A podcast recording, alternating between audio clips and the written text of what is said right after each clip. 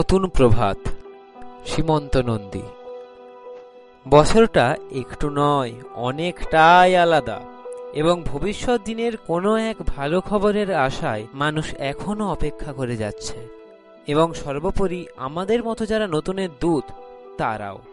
প্রথম প্রথম সবাই ভেবেছিলাম সবকিছু খুব তাড়াতাড়ি হয়তো ঠিক হয়ে যাবে, কিন্তু তার হলো না। আজ আর সেই সব খুচরো পয়সার বিতর্কিত আলোচনায় যাব না। আজ এক অন্য বিষয় নিয়ে মনের ভাব প্রকাশ করতে ইচ্ছে করছে। তাই সেটাই করব। আমাদের যখন ছেলেবেলায় স্কুলে ভর্তি করা হয়েছিল, তখন বাড়ির বড়দের ওপর অনেকেরই একটু রাগ, অভিমান হয়েছিল।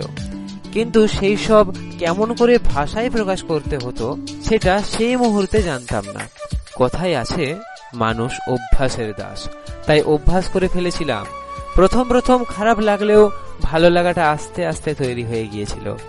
এইভাবে একটা একটা করে ক্যালেন্ডার শেষ করতে করতে মাধ্যমিকের সীমারেখা উত্তীর্ণ করে গেলাম। কিন্তু নতুন ক্লাসে প্রবেশ করার যে উচ্ছ্বাস ছিল, সেটা এক ধাক্কায় অনেকটা ফ্যাকাশে হয়ে গেল। একটা অনুজীবের জন্য এক লহমায় সমস্ত সিস্টেম ওলট পালট হয়ে গেল। কিছুদিনের বিরতির পরে টলমল করে টিউশনির পঠন পাঠন শুরু হলো ঠিকই। কিন্তু কৃত্রিমতার ছোঁয়ায় সমস্ত চীনা মুহূর্তগুলোকেও অপরিচিত মনে হতে লাগল। যেই সময়ে প্রত্যেকের জীবনে প্রকৃত স্বাধীনতার একটা আভাস পাওয়া যায়, সেই আভাস আর পাওয়া গেল না। প্রত্যেকেই আবাস বন্দী হয়ে গেলাম। যেই সময়ে দাঁড়িয়ে প্রত্যেকের জীবনে শুরু হয় প্রথম প্রেম, সেই প্রেম অনেকের অধরায় রয়ে গেল। কিন্তু খুব ভালো লাগে যখন দেখি সেই অধরাকে ধরবার জন্য অনেকেই এগিয়ে যাওয়ার ইচ্ছা পোষণ করে চলেছে। পরবর্তীকালে জীবনের যে সময়টা আমরা কেউই আর ফিরে পাবো না সেই স্কুল জীবনের শেষ বছর কি এইভাবেই আমাদের ফাঁকি দিয়ে চলে যাবে? ঘামে ভিজে যাওয়া স্কুল ড্রেস কি আমরা আর অনুভব করতে পারব না? টিফিন টাইমের সেই অমলিন আড্ডা কি আর ফিরে আসবে না? এই সব প্রশ্নের উত্তর ভাবতে ভাবতেই কেটে গেল বাঙালির প্রাণের উৎসব।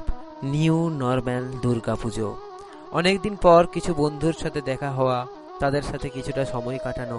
ব্যাস, এইভাবেই কেটে গেল নিউ নর্ম্যাল দুর্গাপুজো কথাই আছে না, পরিস্থিতি যত কঠিনই হোক না, বিকল্প ব্যবস্থা ঠিক বেরোবে। হ্যাঁ স্কুল না খুললেও বন্ধুত্বের এই সম্পর্কগুলোতে বাধা সৃষ্টি করবে।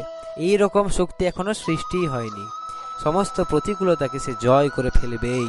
ভার্চুয়ালি জগতের সঙ্গে নিজেকে মানিয়ে এবং মেনে নিয়ে দিব্যি টিকে আছে এইসব বন্ধুত্ব। উন্নত চ্যাটিং, ফোন কলিং তো ছিলই।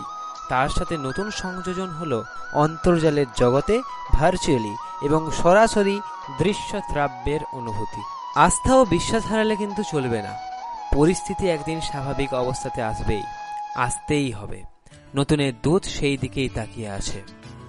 অবশেষে আমেরিকান কবি জন লেলেনের কথার সাথে গলা মিলিয়ে বলতেই পারি a dream you dream alone is only a dream a dream you dream together is reality